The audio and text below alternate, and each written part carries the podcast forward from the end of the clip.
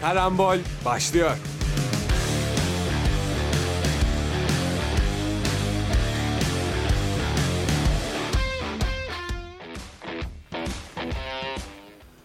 ...96.6 frekansından ve radyobilkent.com'dan ve biz de tabii ki de Radyo Bilkent stüdyolarından hepinize selamlıyoruz bütün dinleyicilerimize. Karambol'ün yepyeni bir bölümünde yeniden bir karambol salısında sizin karşınızdayız. Yanımda spiker arkadaşım Hamza Yıldırım var. Ben Deniz Aral Alpas ve ne yazık ki bugün yanımızda sevgili Muhittin Şahin yok. Maalesef.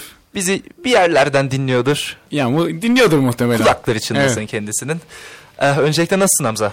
İyi Meral sen nasılsın? Nasıl gidiyor? İyiyim vallahi ben de. Hoş geldin bu arada Hoş sana bulduk. da. Evet, Seni de özledik haftada- geçen hafta. Ben yoktum. Ankara'ya bir geldim inanılmaz sıcak. Bu sıcak farklı bir Gerçekten sıcak öyle. yani. Gerçekten farklı bir Durduğun sıcak. yerden terliyorsun. Bu başlayan futbol liglerinin yarattığı sıcaklıkta olabilir tabii ki de. bu hafta ne konuşacağız Hamza? Bu hafta Süper Ligimiz başladı. Bizim göz bebeğimiz başladı. Onunla alakalı konuşacağız. Premier Lig'le alakalı ve yeni gelecek transferler, söylentiler ve aynı zamanda da yine bir senin de sevdiğin Neymar Junior olayını konuşacağız. Aynı şekilde tabii ki de Avrupa'daki temsilcilerimiz onların oynayacağı maçları ve onların oynadığı maçları da konuşacağız. Ama evet e, Neymar Junior'ı da uzun uzun zamanı geldiğinde konuşacağız. E, o zaman istersen her zamanki gibi temsilcilerimizin Avrupa maçlarıyla bir başlayalım. Öncelikle e, bugün Galatasaray'ın Olimpia Ljubljana ile akşam maçı var. Evet. Ee, ilk maçın skoru 2-1 Galatasaray galibiyetiyle sona erdi. Ee, ilk maçı da ilk maç hakkında öncelikle ne düşünüyorsun? İzleme fırsatı bulabilmiş miydin yakında? Ya ilk maçın hepsini izleyemedim. Ama Galatasaray için bence istenen skorlardan bir tanesi değildi. Hani Galatasaray turu daha rahat geçmesi için deplasmanda galibiyetle sonuçlandırdı. Yani yine galibiyetle sonuçlandırdı ama ben yine 3-4 gol bekliyordum Galatasaray'dan. Ama istenen performansı pek vermedi. O yüzden 2-1 bitti hatta. Sonrasında yediği golle birlikte birazcık tempo düşürdü. Ama bugünkü maçta Galatasaray'ın ekstradan bir performans koyup turu rahatlatacağını düşünüyorum ve geçeceğini düşünüyorum rahatlatacağından daha çok. Sen ne düşünüyorsun maç hakkında? Ya benim de yani ben Galatasaray'dan çok daha e, şey bekliyordum aslında. Bu arada hemen düzeltelim ilk maçın skoru 3-0'dı. Pa- e, onu da belirtelim hemen. E, ben de Galatasaray'dan çok da aslında e, daha ezici bir oyun bekliyordum açıkçası.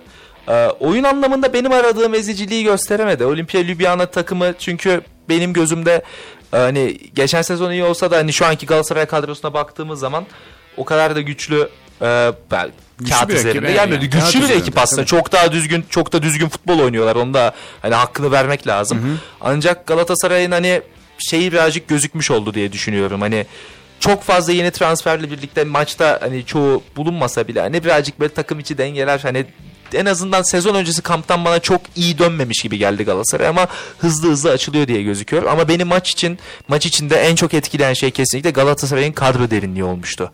Bunu da geçen haftaki programda konuşmuştuk. Galatasaray'ın hani diğer Süper Lig'deki diğer takımlardan bence en büyük avantajı çok daha derin ve kaliteli bir kadroya sahip olması. Evet. Hani ilk 11 olarak baktığınızda belki yakışa, yarışabilecek Galatasaray'da bir iki tane takım, bir iki tane takım derken bir tek Fenerbahçe, Fenerbahçe var. var. Ee, oyun olarak belki Beşiktaş ancak kadro derinliği dediğimiz zaman iş değişiyor. Ve hani burada hani Galatasaray'ın ikinci santriforu bakan bu. Hani çokça pozisyona girdi maçta. Bitiremese de pozisyonları çokça hani pozisyona girdi. Bence ikinci forvet açısından son derece yani yeterli üzerinde bir forvet aslında. Bence Ki kanatta da kullanılabiliyor Cedric Kanatta Bakan da Bey. oynayabilir Ki bence kesinlikle. Bakan bu sol kanatta çok daha iyi olabileceğini düşünüyorum forvetten ziyade. Bu son maçta da birazcık gö- gördük aslında.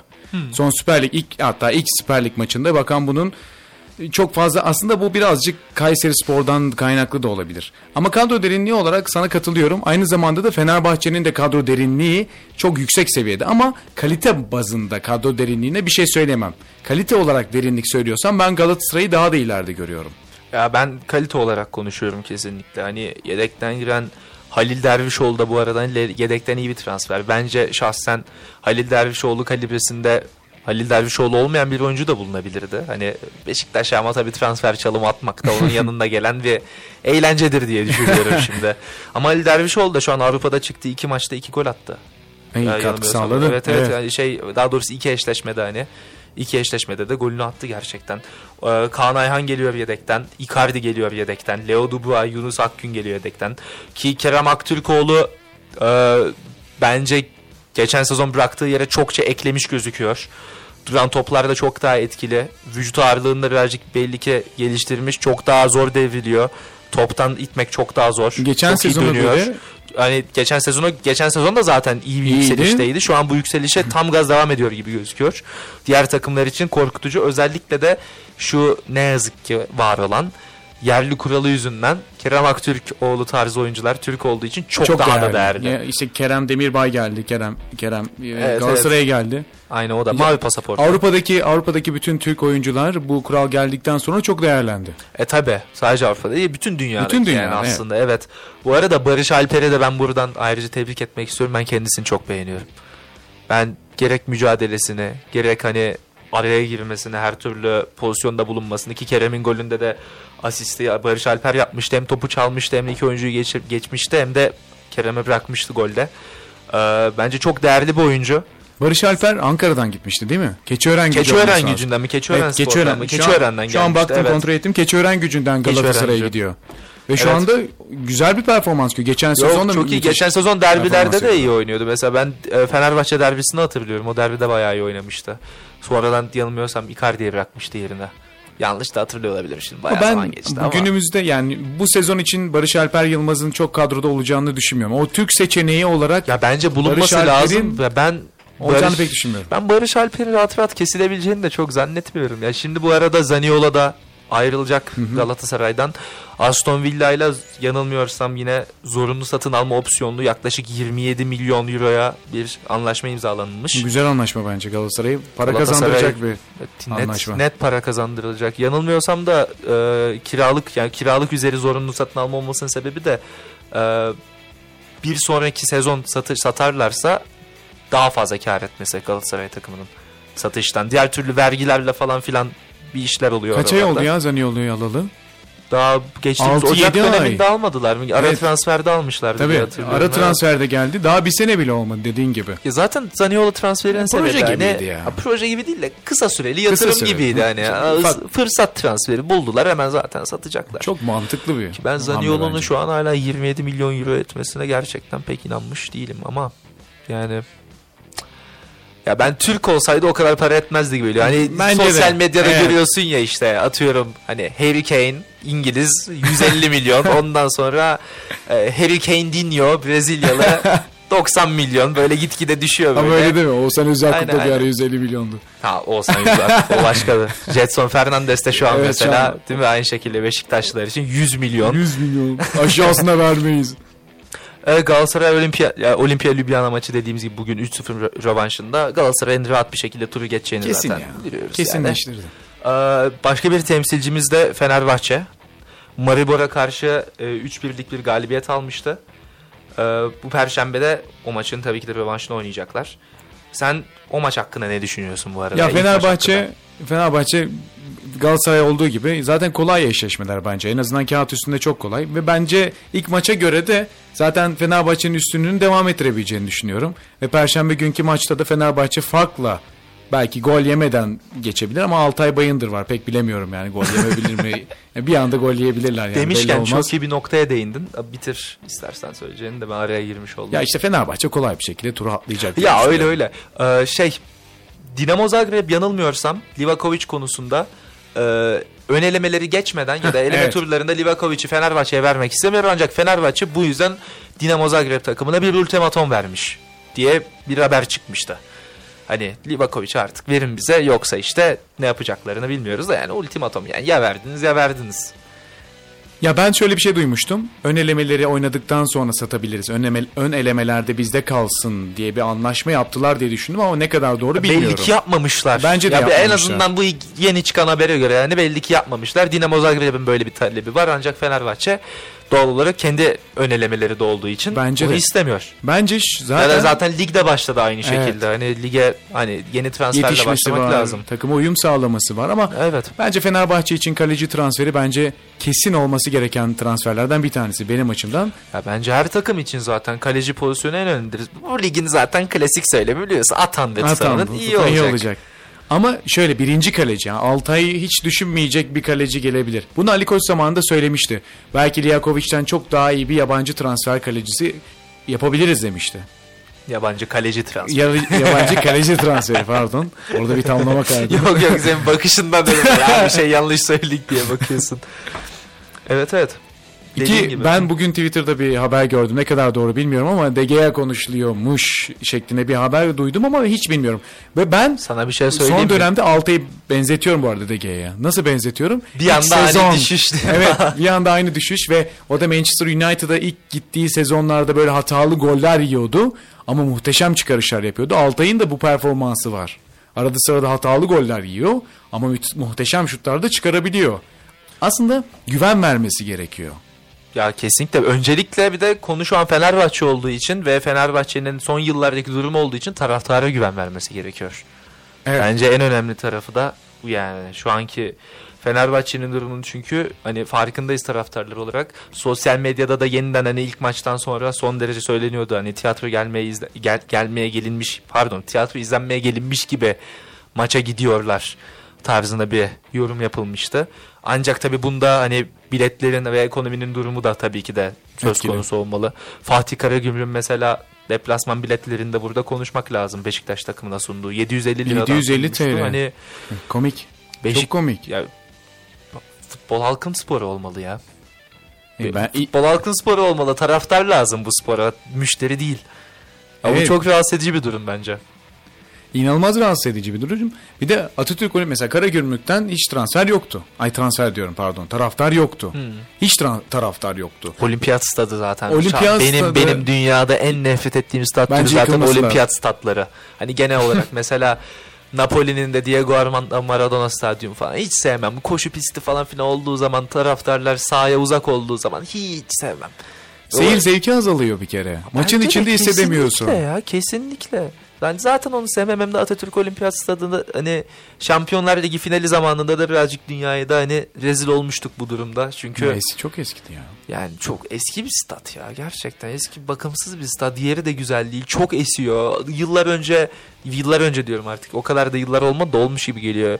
Fatih Karagümrük'ün kalecisi Viviano'nun evet, titrediği Viviano bir titriyor. şey vardı. Maç vardı böyle Elini soğuktan böyle falan. Evet ya. Çok Kaleci komik. bir de yani. Kaleci bir de gerçekten. Yani o adam bir de Adama- uzun kollu gibi. Ay, koşmaya falan geliyor. çalışacak ya. Yerinde yeniden ısınmaya başlayacaktı. Yani gerçekten sıkıntı bir durum ya. Yani ben de Atatürk Olimpiyat Stadı'ndan pek haz etmem.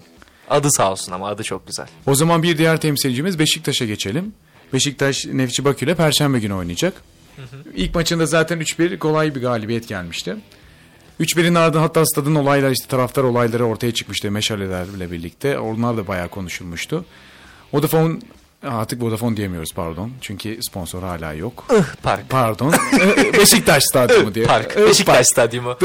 Beşiktaş'ın stadyumu. nokta, Çünkü nokta, nokta stadyumu. artık alışmışız Vodafone Vodafone demeye. Kaç sene Öyle oldu? çünkü, çünkü daha stat daha açılmadan Vodafone Park'ta adı. Ya öyleydi. Şu an ya bir kötü oldum bu arada. Neyse. Yapacak bir şey yok. Perşembe günkü maçın ben yine diğer temsilcilerimiz gibi kolay bir şekilde geçebileceğinizi geçebileceklerine inanıyorum. Ama şöyle bir Maç durum hakkında var. düşüncelerini bu arada ilk maç hakkında. İlk maç hakkındaki düşüncelerim aslında olumlu. Nasıl ya şöyle olumlu. Bu kadar az transferin olmasıyla birlikte, bu kadar az derinliğin olmasıyla birlikte elde olunan kadroyla bu kadar iyi bir performansın çıkarılması bence gayet olumlu bir durum. Çok eksik var. Beşiktaş lehinde gerçekten çok eksik var. Ama Şenol Güneş elinde bulundurduğu kadroyla iyi oynatıyor. Bunu lig maçında da gördük aslında. Ve perşembe günkü yapılacak maçta belki yeni transferleri daha fazla süre verebilir. En önemli özelliklerden bir tanesi, örneklerden bir tanesi Rebic. Belki Rebic ilk 11 başlayabilir belli olmaz. Raşit Gezal konuşuluyor. Belki evet. yedekler arasında gelip Raşit Gezal en son ne zaman hatırlıyorsun? Bir buçuk yıl oldu neredeyse. Hatırlamıyorum gerçekten. Bak ben en Geçen- son hangi golü Aa, hatırlıyorum ben, ben, musun? ben en son gerçekten Reşat, Reşit Gezal'ın nesini hatırlıyorum biliyor musun? Valerian İsmail yönetiminde Beşiktaş'ın çıktığı Fenerbahçe derbisi. Orada da asisti vardı zaten. Onda da sakatlandı çıktı pardon asistini Asist bilmiyorum da. mıydı? Golsüz sonuçlanmıştı sanki o maçta. Direkten Ha, dönen bir 0-0. şutu mu vardı ya da 0-0 bitti. Evet bir orta sonucu direkten dönen bir kafa pozisyonu falan vardı. Onda da o, o geldiği zaman çıktı. Beşiktaş çok rahatlamıştı evet. Hı, onda da sakatlandı Onda o çıktı. maçta da zaten sakat girmişti. En son onda orada hatırlıyorum. Zaten son oynadığı maçta gerçekten o olabilir de yani aklımda en son o kalmış Ya Gezal. ben en son hangi golünü hatırlıyorum biliyor musun? Gol diyorum artık. Erzurum'a atmıştı ya bir tane. Ha. Cenk Tosun Evet. sakatlanmıştı. O da ön çapraz bağı koparmıştı. Orada attığı golü hatırlıyorum. Göztepe'yi hatırlamıyor musun? Göster of. ya o penaltı. Sonra Hayatı daha sonra değiştirdi. atmadım ya. Hayatı değiştirdi o Göztepe penaltısı. Ee, benim Nefçi Bakü ile oynadı, oynanan ilk maç hakkında 3 tane çıkarımım var. Bir, Abubakar anormal kışkırtıcı bir oyuncu. Çok. Kışkırtıcı olduğu zaman çok daha iyi bir golcü. Kesinlikle. Yani Ha, yine yoktan yani ki yine kötü bir performans sergiliyordu. Bir yerde top geldi, bam gol. Sonra da topu Ve çok saçma bir falan. top geldi. Çok saçma bir top geldi de affetmiyor gerçekten kendisi. Buldu mu atıyor. gerçekten yani inanılmaz bir forvet. Hani söylemek belki çok iğrenç olacak ama hani, ya da söylemeyelim hadi yani yani sakatlık kimsenin başına dilemiyorum diye başlayayım ancak iyi ki bir sakatlık geçmişi var da bu ülkede Beşiktaş. futbol oynarken görebiliyoruz. İyi, evet, Abu Bakar yani kalibresinde bir Sakatlanmasa oyuncu. bence kesinlikle Yok bu buralara kesinlikle uğramaz. gelmez ya. Buralara kesinlikle gelmez. Çok farklı bir şekilde konuşuyor olabilirdik. Aynen belki şu öyle. an büyük klasman topçusu olup Arabistan'a transfer olabiliyordu belki de. Aa, yani. Arabistan demeyelim ya. Arabistan'da geldi zaten. Arabistan'da geldi zaten oradaydı. yani. geldi zaten. ee, Abu Bakar birinci çıkarım. İkinci çıkarım Salih Uçan'ın kontratı acilen uzatılmalı. Cenk Tosun'un da. Cenk Tosun da aynı şekilde Salih Uçan bir açıklamada da bulunduğu için diyorum. Hani hakkının acelesi yok tarzında bir açıklamada bulundu. Hani hak edeceğimi al, hak ettiğimi aldı, alacağımı düşünüyorum tarzında bir açıklama bulunmuştu Salih Uçan kontratı hakkında.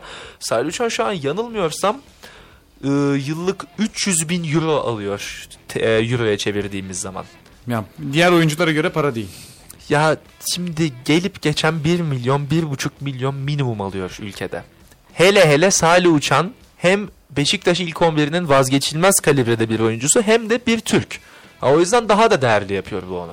Şu anki futbol ikliminde. Öyle. Ama hani Türk olmasa bile zaten şu an Salih Uçan'ın formunu hani kesebilecek bir topçu Beşiktaş'ta bulunmuyor. Kesinlikle. O, o zaman niye hala bu kadar az para Niye konuşuluyor? diretiyorsun ki? Yani Ki buraya gelmemeli Bence aslında. Salih şu an %100'ün üstünde oynuyor. %110, %120 oynuyor. Bu son işte Nefçi Bakü maçındaki asistini hatırlamıyor musun? Evet evet evet Müthiş bir onu asisti. zaten. Ki Gol de attı aynı şekilde Gol de maçta. attı.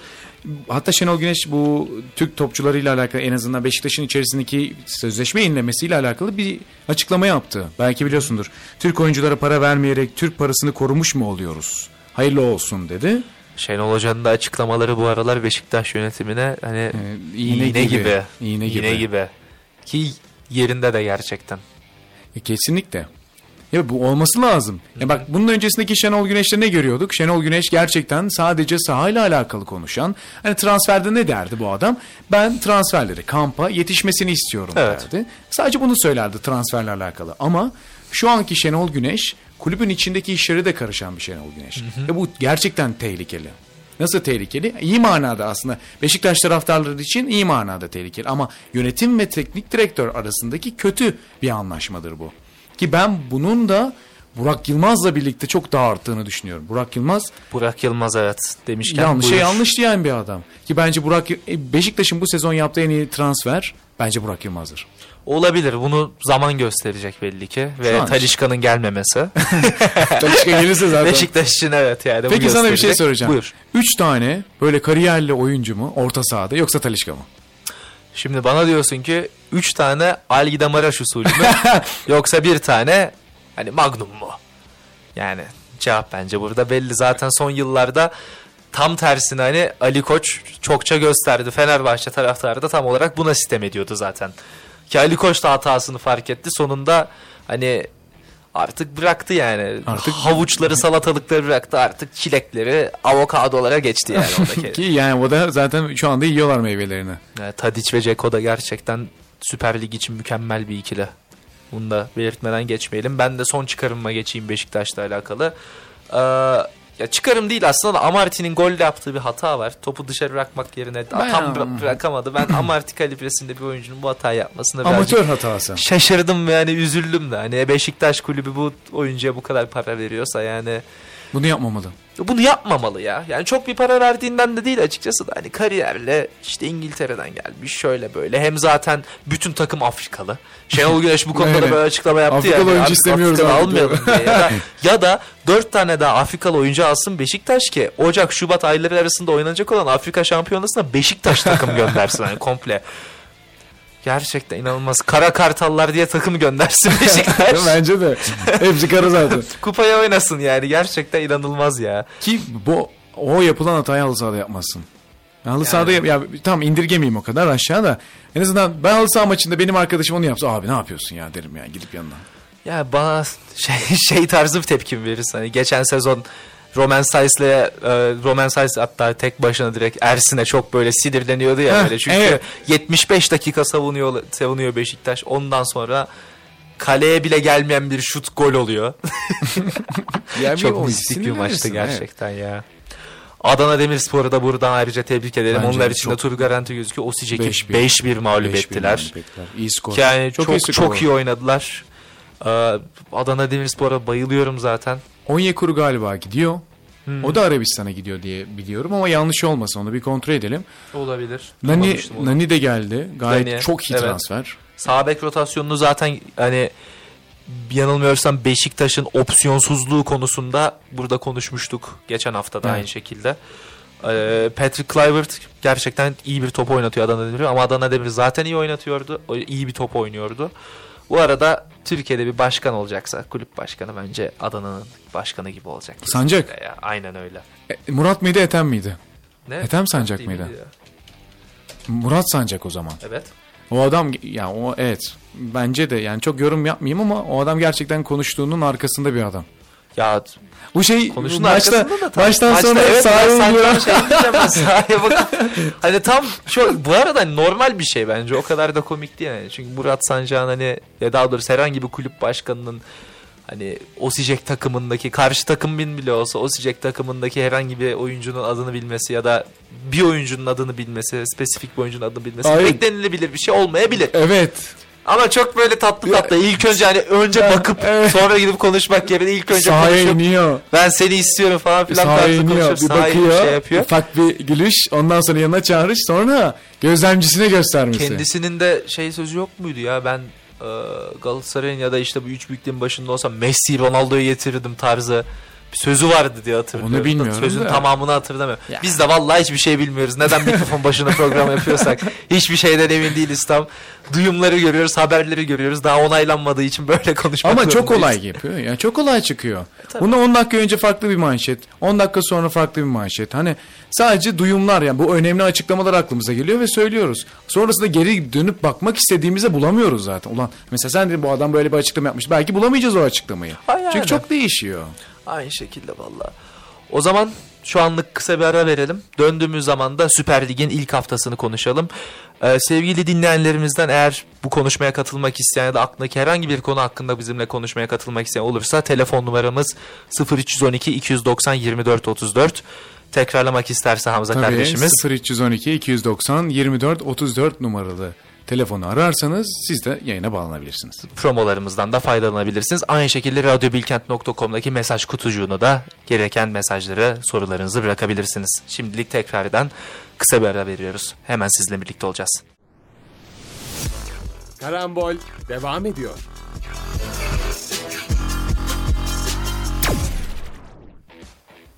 Karambole kaldığımız yerden devam ediyoruz. İlk ya ilk bölüm demeyelim aslında. Ya az önce. Evet, az önce az önce sp- e, temsilcilerimize Avrupa'daki temsilcilerimizle alakalı konuşmuştuk. Şimdi ise Süper Ligimiz başladı. Süper Lig'deki ilk maçlarla alakalı konuşacağız ve ondan sonrasında da zaten Avrupa'daki transferler, Avrupa'daki maçlar aynı zamanda Neymar hakkında Neymar aslında uzun hakkında uzun konuşacağız uzun uzun ki şu konuşacağız. anda e, Neymar şu an resmi olarak açıklanmış durumda. E, 300 milyon dolarlık bir paketle birlikte 2 yıllık.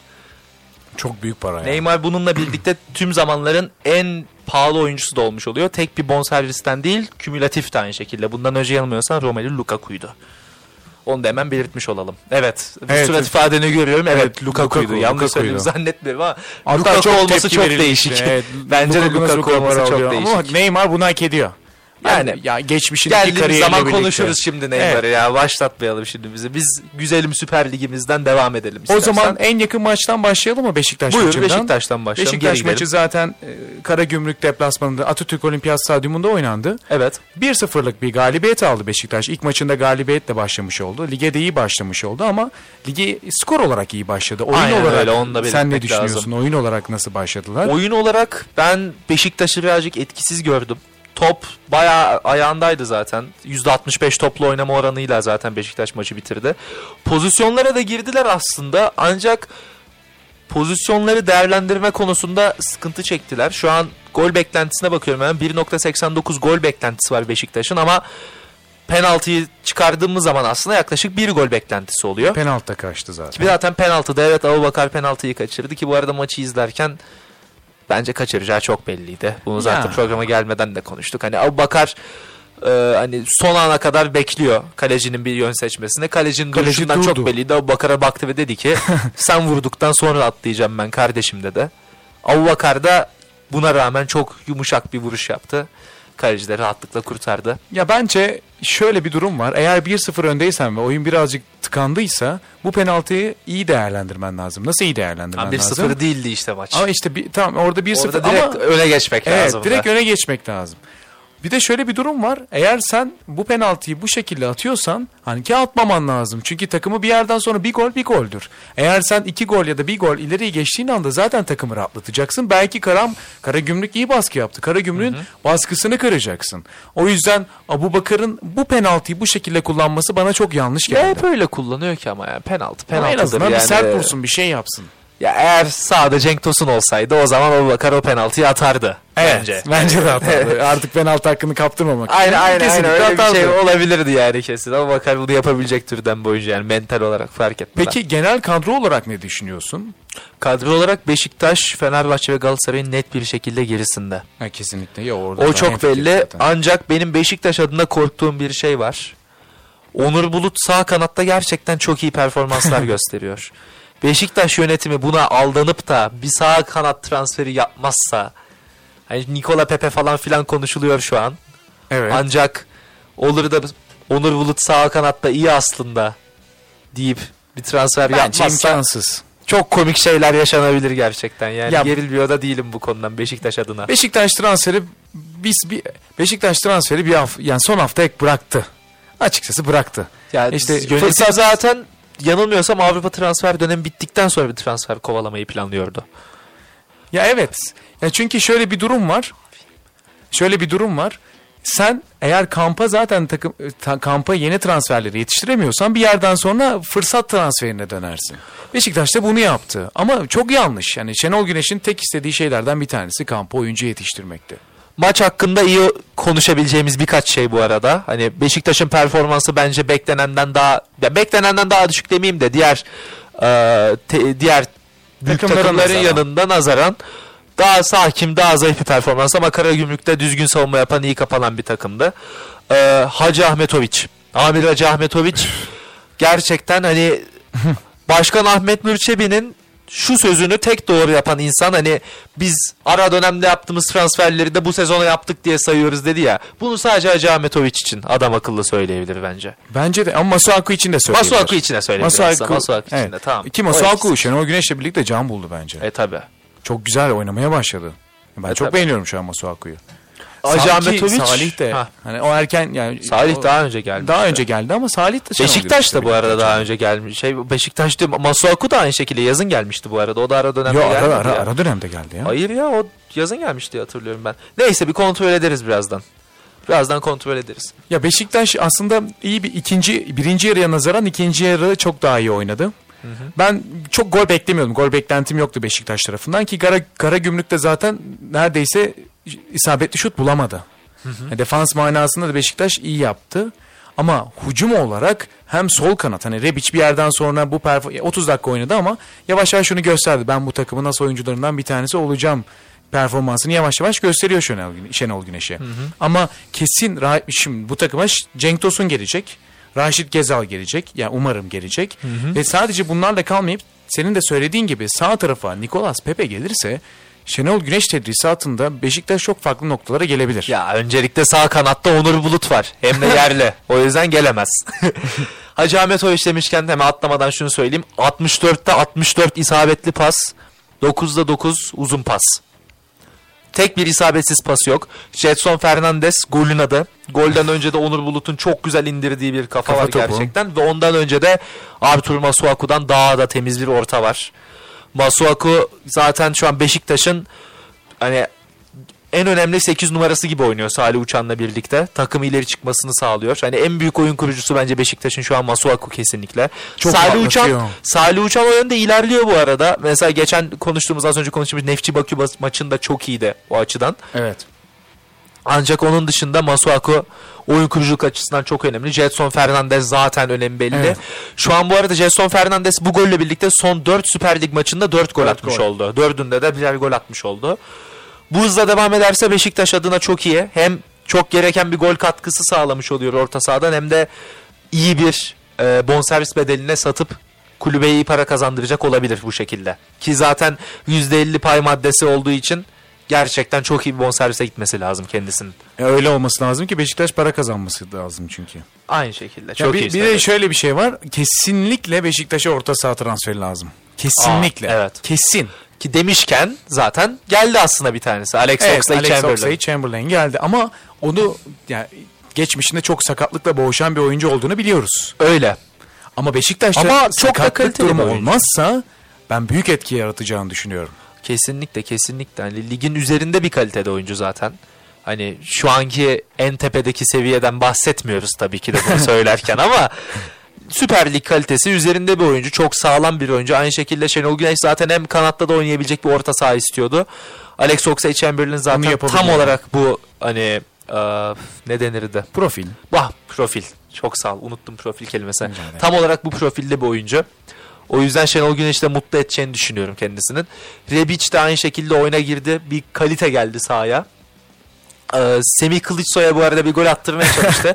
ben şahsen sinirlendim bu arada o pozisyonda. Çünkü Beşiktaş Ante Rebic'i gelip de gençlere asist yapsın diye almadı. Hani orada zaten Jetson'dan da mükemmel bir pas vardı orada tam Rebic'in ağzının içine. Abi kaleciyi de yatırmışsın at golünü. At golünü sezona Beşiktaş kariyerine golle başla. Golle başta. Bir de şöyle bir şey vardı aslında. Gol, Bu arada o çok da kötü bir pas o yüzden de sinirliydi. Çekti ya. Yani evet. çektikten sonra aslında önünde çok var. 3 tane kaleciyle birlikte 3 Ya tane oyuncu vurdu vardı. koca yani. kale var Tabii, tabii. oyuncu da yok yani. Ki zaten attığı pas da çok kötü. Hani öyle bir pas Evet. ki. Semih vuramıyor Ya zaten. Kayarak Semih mi atmış, Jetson'a mı atmış belli değil. Semih vurmak için kaydı. Jetson'a gelse top zaten Jetson o topa sol ayağıyla vuracağına büyük ihtimalle geriye bir pas Evet, çıkaracak. bir Hani şey pas çıkarmaya çalışacak. Guardiola takımına dönecek saçma salak bir şekilde. Abi atın kale boş. Yani Ya orada golle sonuçlanması gerekiyordu. Bir Kesinlikle. de bu arada Musaku Abu Bakar'ın direkt de çok iyiydi ve Evet. bununla birlikte zaten Evet. Onur Bulut'un da bir şutunda kaleci bunun topu direğe çeldi ona bilir. iki direkt Herhalde. aynı zamanda da Fener- Fenerbahçe diyorum ya kafa oraya gitti bir anda. Birazdan Beşiktaş geçeceğimiz için birazdan bana. geçeceğimiz için o yüzden olmuştu muhtemelen. Beşiktaş tam anlamıyla aslında sezonun başlamasıyla birlikte geçen sezon oyunuyla birazcık devam etti. Yani çünkü zaten değişen çok fazla oyuncu yok. Ve bu oyunuyla birlikte ilk yarıda isteneni vermedi ama ikinci yarıda taraftarın da böyle bildiği ikinci yarılarda biz kesin gol atıyoruz şekliyle ikinci yarı gol attı ve sonrasında 1-0 galibiyette ulaştı.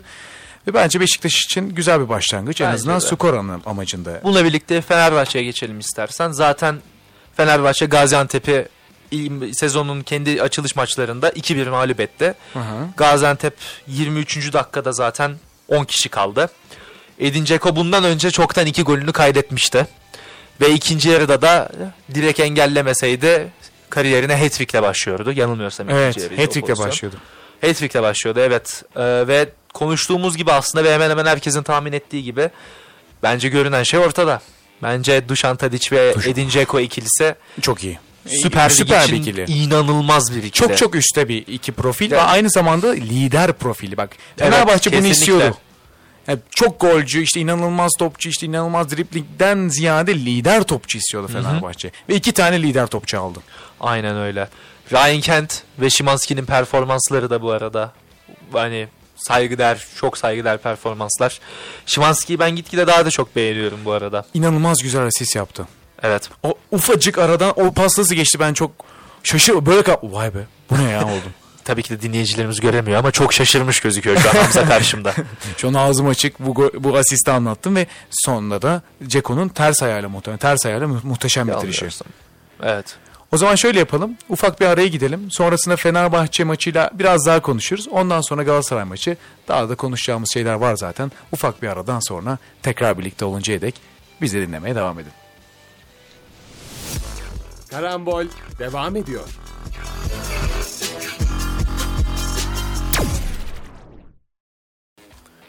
Ufak bir aradan sonra tekrardan sizlerle birlikteyiz. Az önce konuşmuştuk. Beşiktaş konuştuk. Fenerbahçe maçından da birazcık değindik. Fenerbahçe'nin yeni transferleri hakkında birazcık konuşalım istersen diyecektik tam. Evet tam Ya iki transfer var zaten yanılmıyorsam önceden konuşmadığımız. Fred'den de hatta geçen hafta belki bahsetmiş olabiliriz. Ancak Fred ve Cengiz Ünder de Fenerbahçe'nin lig maçından önce Kadıköy'de taraftarı selamladı. 15 milyon bonservis bedeli konuşuluyordu Cengiz Ünder için. Hani yüklü bir miktar ama bence iyi bir transfer Cengiz Ünder çünkü zaten kaliteli bir topçu. Piyasa değeri de yanılmıyorsam o civarlardaydı. Hani çok da fazla bir para değil. Yani Türk oyuncu olduğu için bazı insanlar E, e, fazla verdiklerini düşünüyorlardı ama var biraz ama. ya Cengiz'e bence değer. Cengiz'e değer, değer bence de. Bir de Fenerbahçe oyuncu satıyor. evet. Sattığı oyuncuların al, sattığı oyunculardan paralarıyla alabiliyor yani. Yanılmıyorsam Fenerbahçe şu an ya 2 milyon karda ya da zararda bu transfer döneminde. Ya bir, Hani ama bu kadar ya- oyuncu almasına falan rağmen o kadar da sattığı için çok Arda Güler'den gelen bir değil. 23 milyon Evet. var. Ya ya kardalar hala ya da 2 milyon sadece zarardalar. ki bence Fenerbahçe için çok iyi. Bence de çok iyi. iyi bir, bir de şöyle bir dönemi. düşün.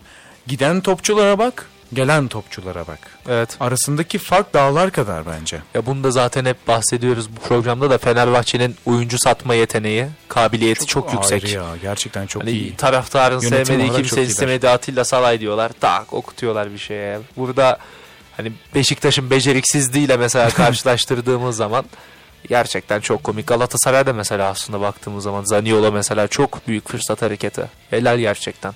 Bütün her, her takım bunu yapamaz en azından. o parayı için. hızlı Bir şekilde çıkaramazdı zaten. veremez. Yani o sponsorların tabii çok büyük yardım var. Her transferde olduğu gibi. En azından hani bu yönetimde olan her transferde olduğu gibi. Ancak yani o topa girmek çok iyi bir şey yani çok. Ki ben Fred transferi hakkında birazcık konuşmak istiyorum. Fred transferiyle birlikte Fenerbahçe hani Fred tamam çok altın o 6 numara oynuyor. Hatta birazcık da 8 oynuyor. Ama mesela son maçta ne oldu? Fenerbahçe İsmail Yüksek, Mert Hakan ve Şimanski ile Şimanski başladı. evet. Mesela İsmail Yüksek Maksim'e adam adama markaj yaparken bir anda Maksim 20 dakikalığına. 20 dakikalığına. evet bu arada gerçekten 20 dakikalığına. 20 dakika sonra Maxim kırmızı kart gördü ama ne oldu? Bu büyük takımlarda şu vardır. 6 numaraya göre konumlandırma vardır. Evet. yani kendini, kendi takımını 6 numaraya göre konumlandırır. Ne zaman çıkacağını, ne zaman geleceğini, ne zaman atak ya da pres yapacağını 6 numara birazcık karar verir. Ama İsmail Yüksek bu son maçta bence o kararsızlığı çok fazla gözüktü. Ama Fred'in gelmesiyle birlikte hem o kararsızlık ortadan kalkacak hem de Fenerbahçe'nin IQ'su birazcık yukarı, yukarı çıkacak. Oradaki oyun kurma IQ'su aynı zamanda da takımı yönetme durumu çok daha yükseklere çıkacak. Bu da Fenerbahçe'nin aslında aradığı transferlerden birisi ve oldu. Kaleci lazım şu an bir tek. Kaleci lazım. Herhalde aynen başka bir eksik olduğunu düşünmüyorum. Ben de düşünmüyorum. Fenerbahçe'nin Yani kadrosu. Fenerbahçe'de sadece şu an- belli olmaz ama tabii Fenerbahçe taraftarına sorsak Aa, ne diyeceği asla belli olmaz. Ancak bence en büyük eksik hala kaleci zaten. Yani daha doğrusu tek eksik. Yine yanılmıyorsam hani yine demeyeyim şimdi kötü başlamış olduk da. yanılmıyorsam Altay Bayındır kaleye gelen ilk şutta gol yedi. Fenerbahçe taraftarı da yine diye bahsediyordu bu konu hakkında. Bu arada bakıyorum ve Gaziantep'in kaleye bulan zaten tek şutu varmış o maçta. zaman. evet. Hayır kafa golü attı ya. Kafa golü yediler. Tamam. Hatalı gol yedi aslında orada. Yani çok dar Evet. bir açıdan o golü nasıl yedi ben çok şaşırdım. Kaleye giren ilk şut sonuçta bağlamaz beni. Altay çok garip bir kaleci. Yani ben bunu zaten söylemiştik. DG'ye benzetmesi de yapmıştık Altay'la alakalı. Ve Fenerbahçe için birazcık kesin Altay'ın en azından ikinci kaleci ya da gidebilir bilmiyorum. Altay'ı bence satabilirler. Belli olmaz Fenerbahçe hakkında konuşuyoruz. 10 milyona İrfan falan Can- okutursa bir anda valla. İrfan Can Eri Yabat da var. Evet. Eri Bayat. Evet. O, o, o zaten birinci bir kaleci olamaz. O yüzden kesin. Denemişlerdi aslında bir dönem. Özellikle Altay sakatken. sakatken ama bir fark var mıydı sence? Bir fark yoktu bence. Fener, etrafındaki Fenerbahçe taraftarlarına göre bir fark vardı. Yani çok daha mutlulardı kalede Altay olmadığı Birazcık daha için. güven hissediyorlardı çünkü. Yani ama evet dediğimiz Benim gibi. de aldığım duyumlar öyleydi. En azından bu adama güvenebiliyoruz. Saçma goller yemez bence diye konuşuyorlardı. Yani bilmiyorum. Bilivakovic gerçekten lazım ama oraya dediğimiz gibi. Bence de lazım. Ama bilmiyorum alabilecekler mi? Belki de farklı bir kaleci alacaklar. Bununla birlikte o zaman Galatasaray'ın ligin ilk maçında herkesin konuştuğu ütopik kadro 0-0. Aslında ütopik kadro. Öyle Ya. Galatasaray balonu patladı diye konuşmaya girelim arkadaşlar. Bu kadar taze transfer gördünüz. Hiçbir şey yok. Bu takım ne Şampiyonlar Ligi'nde ne Avrupa Ligi'nde ne Süper Lig'de bir şey yapabilir. Şaka yapıyoruz Şaka tabii ki de burada. gerçekten. Çağdaş Atan'ı burada tebrik etmek lazım. Çağdaş Atan İki gerçekten yıldır transfer tahtası kapalı olan takımla gerçekten inanılmaz hazırlanıyor. Elinde hani taştan kıvılcım çıkartıp oradan ateş yakıyor adam. Gerçekten inanılmaz. açıklamasında söyledi ya biz altyapıdan adam çıkarıyoruz. Yani Evet. biz bu acıdan zevk alıyoruz aslında dedi. Bu arada yapabilecekleri tek şey zaten o. Ve en doğru şey de yani. Ya Süper Lig'den düşeceksin Türkiye futbolunun derinliklerine ya da sürekli altyapı deneyeceksin. Bu şekilde yatırımlar yapacaksın. Çağdaş Atan hocamı ben gerçekten ama bir büyük takımda görmeyi çok arzularım. Ki zamanında e, Beşiktaş'ta yardımcılık da yapmıştı. Evet yanılmıyorsam öyle bir CV'de bulunmakta. Sergen Yalçın'ın yanında yardımcılık yapmıştı. O kadar iyi hatırlamıyorum o dönemi. Haklı olabilirsin. Bir Evet, muhtemelen. Çağdaş Atan Sergen Yalçın'ın yanında yardımcılık yaptı. Hatta o sezon şampiyon olduk. Şampiyon oldular.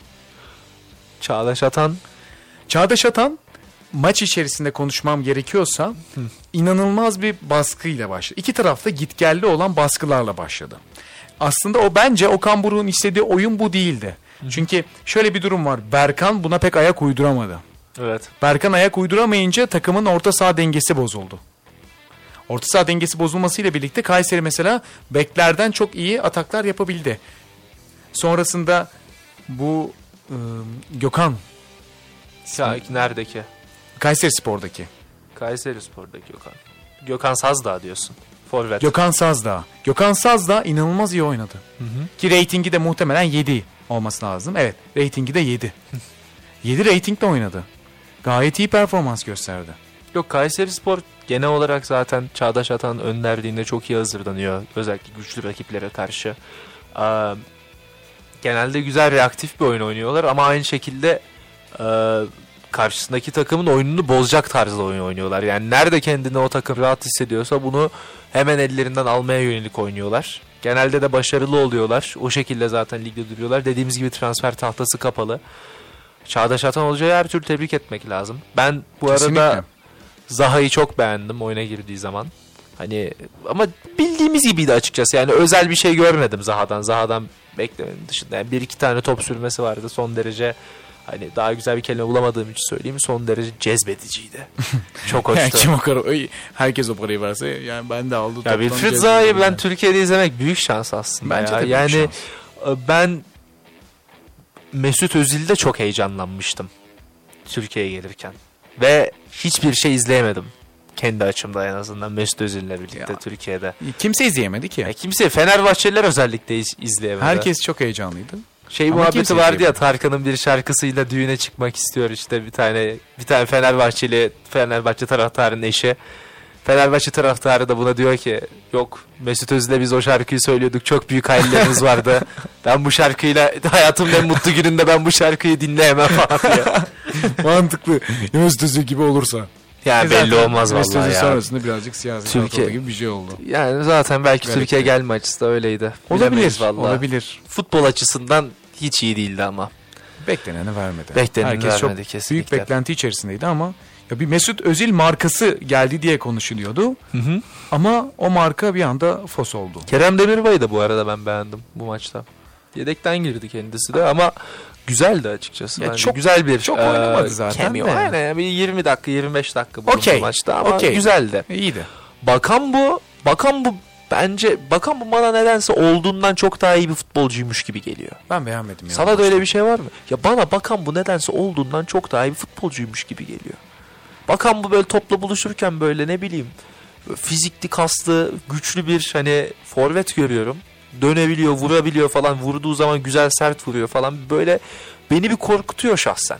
Yani baktığımız zaman pek bir icraat olmasa da şu an ligin ilk maçlarında geldiğinden beri yani sadece ligin değil Avrupa'da da ama Bilmiyorum bir böyle bana olduğundan çok daha iyi futbolcuymuş gibi geliyor. Sende de böyle bir şey var mı diyeceğim. Ya ben ben- Aura denir de böyle. Ben hani. de tam Aurası yani. çok güçlü.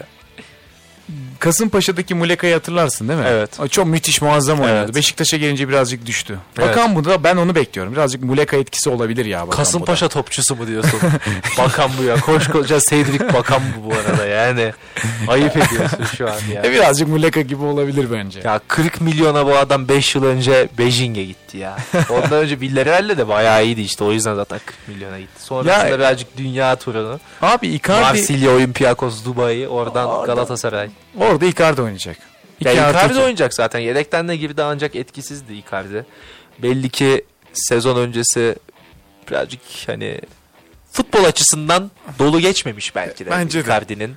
Tatile ihtiyacı varmış. Tatile ihtiyacı varmış. Hazır ki. bence. Hani ama tabii ki Zaha- de kişisel hayatında da eşiyle ilgili sağlık sıkıntıları da bulunmaktaydı. Tarzı duyumlar vardı. Geçmiş olsun. Geçmiş olsun. Doğru da şey yapalım ama Icardi'nin gelmesi evet zaten hani ilk 11 başladığı zaman çok şey olur. Senin de söylediğin gibi çok paylaşımcı bir oyuncu. Burada Muhittin bahsetmişti. Evet. Çok paylaşımcı. Çok paylaşımcı gerçekten. paylaşıyor. yani. Sahada Topları. sahada etkisi etkisini kesinlikle hissettirir bence. Kerem Aktürkoğlu lig maçında ben beklediğim etkiyi yaratamadı. Ben yine çok iyi başlayacağını düşünmüştüm bu arada. Yine yine iyiydi bu arada. Galatasaray genel olarak iyiydi de hiçbir oyuncu süperdi diyemeyeceğiz. Ya Galatasaray'da Ben Oliveira'yı çok beğeniyorum ama hala bunu belirtmem gerekiyor. Ben Oliveira'yı çok beğeniyorum. Ben Oliveira'yı çok beğeniyorum. Ya bak mesela Galatasaray'daki sıkıntıyı ben şöyle gördüm. Hücumda kimse topu tutamadı. Kimse. Yani Mertens tutamadı, Barış Alper tutamadı, Kerem tutamadı. Bunlar tutamadı. Bakan bunu tutamadı. Zaten Bakan bu çok oyun, ayağında top tutan bir oyuncu değil. Bunların tutamamasıyla birlikte Kayseri Spor'la birlikte çok git gel oldu. Ve bu git git gel de aslında birazcık Galatasaray'ı çok yordu. E, yormasıyla birlikte de açıkçası %100 bir gol pozisyonu bulamadılar. Icardi'nin kafası haricinde %100 bir gol pozisyonu yoktu bence. Ve bununla birlikte hani ben ya zaten kadroya baktığımızda önümüzdeki maçlarda bu kadroyu bence hiç görmeyeceğiz. Hani Berkan'ı ben göreceğimizi düşünmüyorum. Barış Alper'i ilk 11 başlayacağını düşünmüyorum. Hani burada bu kadroda kimi net yazarsın da diye sorarsan bana Mustera'yı yazarım, Nelson'u yazarım, Abdülkerim'i yazarım, Boğa'yı yazarım. Diğerlerini yazmam. Bu kadar.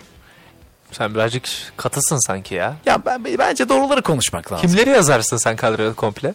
Komple sen, mi? sen- sana bir şey söyleyeyim. Sen bak şu an kadroyu direkt yaz. Bence sen yabancı sınırına takılırsın.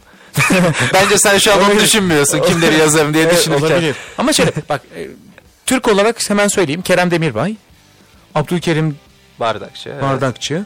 Üçüncü gel Kerim, Kerem oynayacak. yazacaksın İşte Kerem, ne yapacaksın? Kerem oynayacak. Kerem oynayacak. E, tamam. Üç tane. E tamam abi. Tamam, üç. Kerem zaten Üç, sahada. üç. Kerem var, Abdülkerim var. Az kadrodan Türk olarak iki kişi var. Tamam Zaha'yı sağa yazsın. Yani. Ya. Ya. bir lükse bak Allah kahretmesin. ya, gerçekten ya. Şu kadro derinliği ve kadro kalitesine bakar mıyız ya? Gerçekten Galatasaray'ın bütün yönetimini tebrik etmek lazım. Hele İnşallah Avrupa'da Timur'u. da iyi şeyler başarırlar. İnşallah. İnşallah Umut- hani yeniden yüzümüzü güldürürler. Ümitliyiz. Ümitliyiz hepimiz hepimiz. Yani son gerçekten. 16 olursa en son Beşiktaş yapmıştı Bayern Münih'le.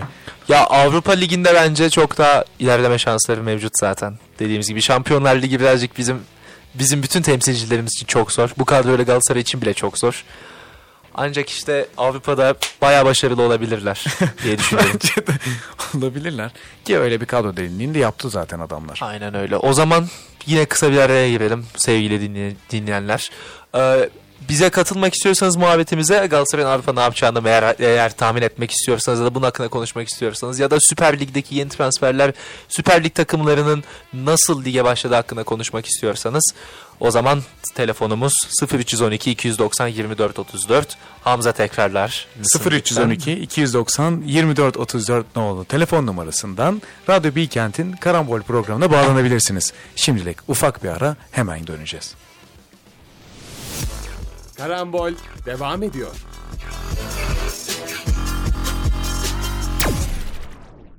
Kısa aramızdan sonra Karambol'e tekrardan kaldığımız yerden devam ediyoruz.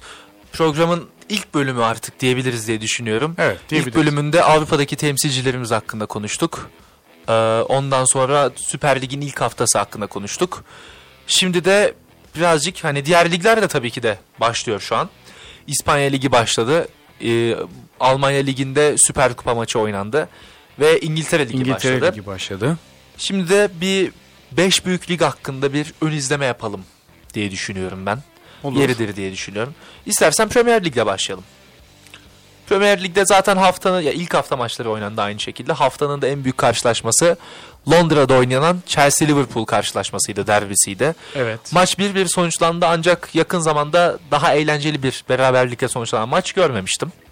Teknik olarak Dünya Kupası finali dışında ancak o hani kazananı kaybedeni çok belli. O yüzden aynı şey değil diye düşünüyorum. Vardan dönen goller Hı hı. çok fazla. Karşılıklı. Karşılıklı iki tarafında Vardan bir tane golü döndü. Enzo Fernandes'ten harika bir maç. Bu arada şey Fransa Lig 1 de başladı onu söylemeyi unuttuk onu hemen belirtelim.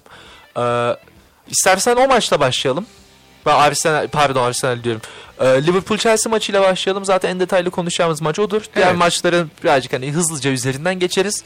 Ancak bu sezon Premier Lig'de ne görmeyi beklediğimiz hakkında konuşalım. Demişken hemen Chelsea Liverpool. Ya Chelsea aslında geçen sezonla birlikte geçen sezon hiç bekleneni vermedi ama bu sezon ilk maçında oynadığı topla birlikte güzel şeyler görüyoruz. Hani Liverpool'a karşı oynadığı maçla birlikte Chelsea'den bir umut görüyoruz. Açıkçası ben görüyorum. Hani Chelsea bu sene içerisinde yükseliş yapacakmış gibi duruyor. Liverpool da bana aynı şekilde ama bir önceki sezonda bulunduğu yerde bulunmayacak gibi geliyor. Yani şu an e, bir Avrupa Süper Ligi var ve bu Süper Lig'in adı Premier Lig. Bu çok belli. Bütün Evet. oyuncular oraya gidiyor. Orta sıra takımları İtalya'nın, İspanya'nın köklü kulüplerinden çok daha fazla para teklif edebiliyorlar oyunculara. O yüzden ne olacağını tahmin etmek zor. Manchester City şampiyonluğu dışında. ya bence Manchester City'nin şampiyon olacağı aşikar yine. Ya hiç belli olmaz tabii ki Ya de. şimdi Ancak Kevin De Bruyne'ın sakatlığı da bence etkili olabilecek. evet Kevin De Bruyne kötü sakatlandı Manchester City'nin ilk maçında.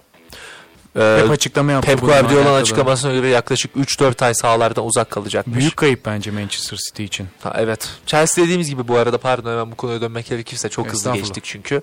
Evet iyi oynuyordu. Enzo Fernandez bence 100 milyon euronun hakkını veren tek oyuncu orta saha oyuncuları olarak.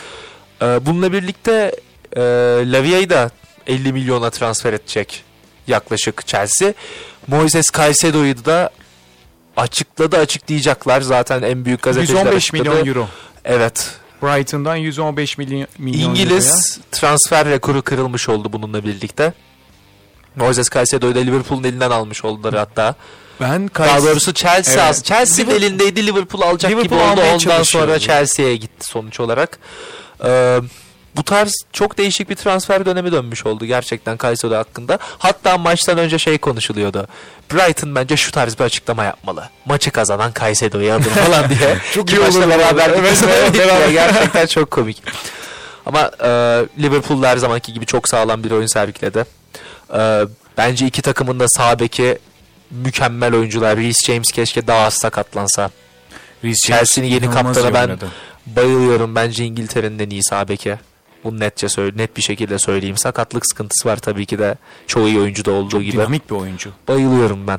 Ben Bayılıyorum. Futbol Manager'da Chelsea kariyeri yaparken o adamdan başkasını oynatmıyordum. Evet yani. E bence de oynatmazsın zaten. İki almıyordum da zaten kimseye de satmıyordum.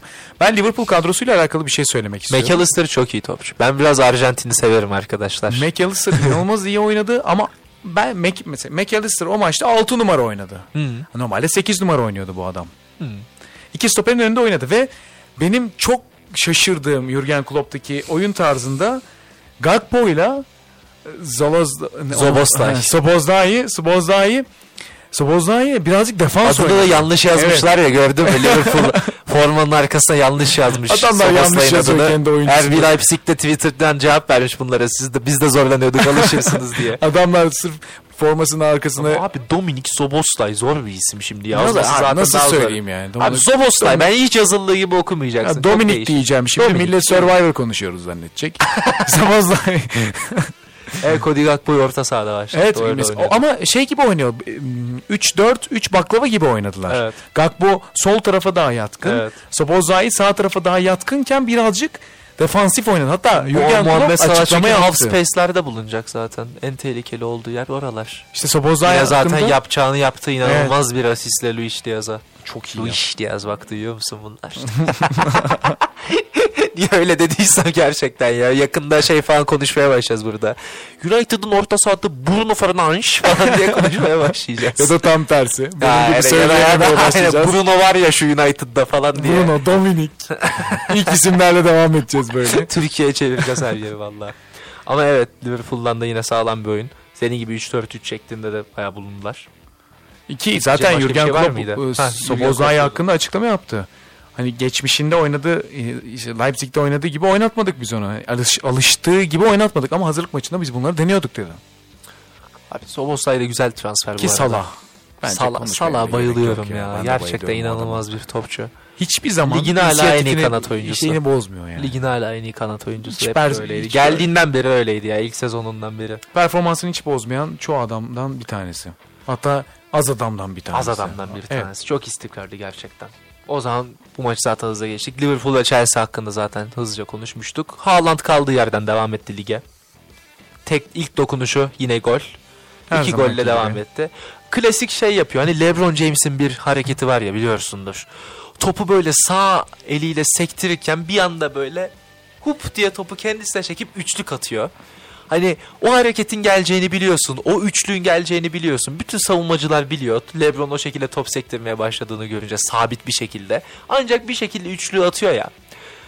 Erling Haaland'ın Community Shield'lerdeki berbat performansı ve insanları sürekli böyle hani avlaması bu performansı. Aa Haaland bitmiş, Haaland balonu patladı diye avlaması herhalde tam Sadece olarak bir bu maç. hareket. Her seferinde bak geçen ilk geldiği sezonda kaçırdığı pozisyonları hatırlıyor musun? Herkes nasıl kaçırıyor diye Aa, konuşuyor ya. Yani kendisi de kaçırması gülüyordu falan. Aynı şekilde yine Community Shield'da saçma salak oyunda Arsenal'le kaptırdılar. Fark etmiyor abi. E, Atıyor. Haaland geliyor Premier Lig başladı. Bam bam bam atmaya devam ediyor. alıştı adam. Hem takıma alıştı. Bu sezon sence kaç gol atar? Ben ben 20, Geçen sezon 35 20 mi atmıştı? 25 üstü 36 net mı? diyorum ya. Ya hayır. Ya, 25 yani ne kadar diyorum. ne kadar iğrenç bir tahmin ya. 25 üstü net ne demek? Adam Abi geçen sezon. Premier Lig gol rekorunu kırdı ya. Sen burada Garanticiyiz garantici. Premier Lig tarihinin gol rekorunu kırdı. Sen burada diyorsun ki adam evet ya bence bir 25 üstü atar diye. Allah ben Allah. sana söyleyeyim mi? 42 gol atar. 42. Tamam ha şöyle. Konya. Bak 42. 36 attı bir önceki sezon. Bu sezon bak ilk maç 2 gol. Her maç bir gol atsa Ya rekorunu kırar mı diyorsun şu bence an? kırar. Ben kıramaz diyorum. Ben, Sen- o- ben, ben tahminin 34 ne? atacağım diyorum. Ben, ben, ben, ben bu sezon bir sakatlanacağını düşünüyorum. Uzun süreli olmasa da hani, yak, hani ara ara sakatlanarak düşeceğini düşünüyorum. Hani anladın mı? Küçük küçük maçlar kaçıracağını düşünüyorum. Formdan hafif düşebileceğini düşünüyorum. Ee, ve bu yüzden sadece 34 gol atacağını düşünüyorum Haaland'ın. Bunlarla birlikte Yani sadece rekorunu 34 bence kıramazsa bunun sebebi bir sakatlık falan olur ya da maç kaçırması olur diye düşünüyorum. Ya ben ben de bunun başına ya. geleceğini düşünüyorum. Uzun süreli bence de sakatlanmaz. Sakatlanmaz. Ancak bir iki maç kaçırabilir. O durumda da bence e, ya da Julian Alvarez de daha sık ilk 11 başlamasından dolayı belki daha az gol atar diyeceğim de hani ikinci golün asistini de Alvarez, Alvarez yaptı. Yani yaptı. besliyor da. Yani çok değişik bir topçu. Ben ama rekoru yeniden kırmayacağını düşünüyorum. Peki Fodun'a ne diyorsun? İnanılmaz O- bir topçu bayılıyorum ben. O çalım her yerde paylaşıldı Ben- ya. ben Phil Foden'a ben bayılıyorum. Bence İngiltere kadrosundaki hani İngi- şu an bence dünyadaki en yetenekli İngiliz. Pep Guardiola'nın yeteri kadar şans vermemesine ona gerçekten anlam veremiyorum ben buna. Ee, bence ilk 11 başlamalı, her maç oynamalı. Özellikle De Bruyne'nin yokluğunda da çok da etkili olur. Gündoğan'ın yokluğunda bu arada aynı şekilde. Gündoğan transfer olduğundan beri bence oynayabileceğini düşünüyordum ben. Hani yeni bir alternatif almak yerine Declan Rice falan filan diyorlardı çünkü işte onu alıp ondan sonra başka birini daha ileri atmak falan filan. Ama Phil Foden bence inanılmaz bir topçu bence ortada oynamalı. Kanatta değil hani şey oynuyor ya Guardiola zaten 3-2-4-1 oynuyor ya. O dörtlünün ortadakilerden o bir tanesi olmalı. Tercihen sola yakın. Ki bence oynayabilecek potansiyel. Ya oynar zaten, Şutuyla, ortada çok daha iyi oynuyor pasıyla. ya. Ben sana bir şey sormak istiyorum. Ben son zamanlarda bunu birazcık Pep Guardiola'da görüyorum. Pep Guardiola dediğimiz adam aslında sistem oyunundan çok fazla oyuncularını baskılayan bir adammış gibi geliyor ki bence öyle. Hani kafasında bir sistem oturtturuyor ve o sistemle oyuncuların kesin olarak oynamasını istiyor. Zaten transferlerini buna göre yapıyor. Öyle zaten çok hızlı bir şey anlatacağım sen bunu bitirdikten sonra. Ve ben şöyle bir şey düşünüyorum. Ben şöyle bir şey düşünüyorum. Şimdi Pep Guardiola'nın bunu yapmasıyla birlikte herhangi bir oyuncuyu şey yapabilir mi? Yani kayıp mesela oynatmıyorlar. Phil Foden'ı oynatmamasıyla birlikte kaybediyor olabilir mi? Kevin De Bruyne mesela şey yaptı bu adam. Kavga etti en son. Maçın içerisinde kavga etti. Bence kaybediyor olmaz ya. Çünkü Guardiola'nın kim olduğu çok belli.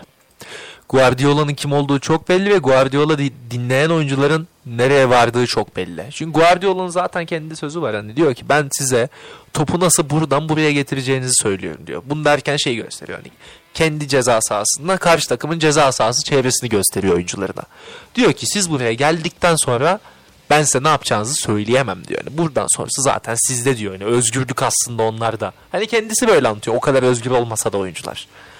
Ee, bence Phil Foden bana birazcık Messi'ye benziyor zaten yani solak.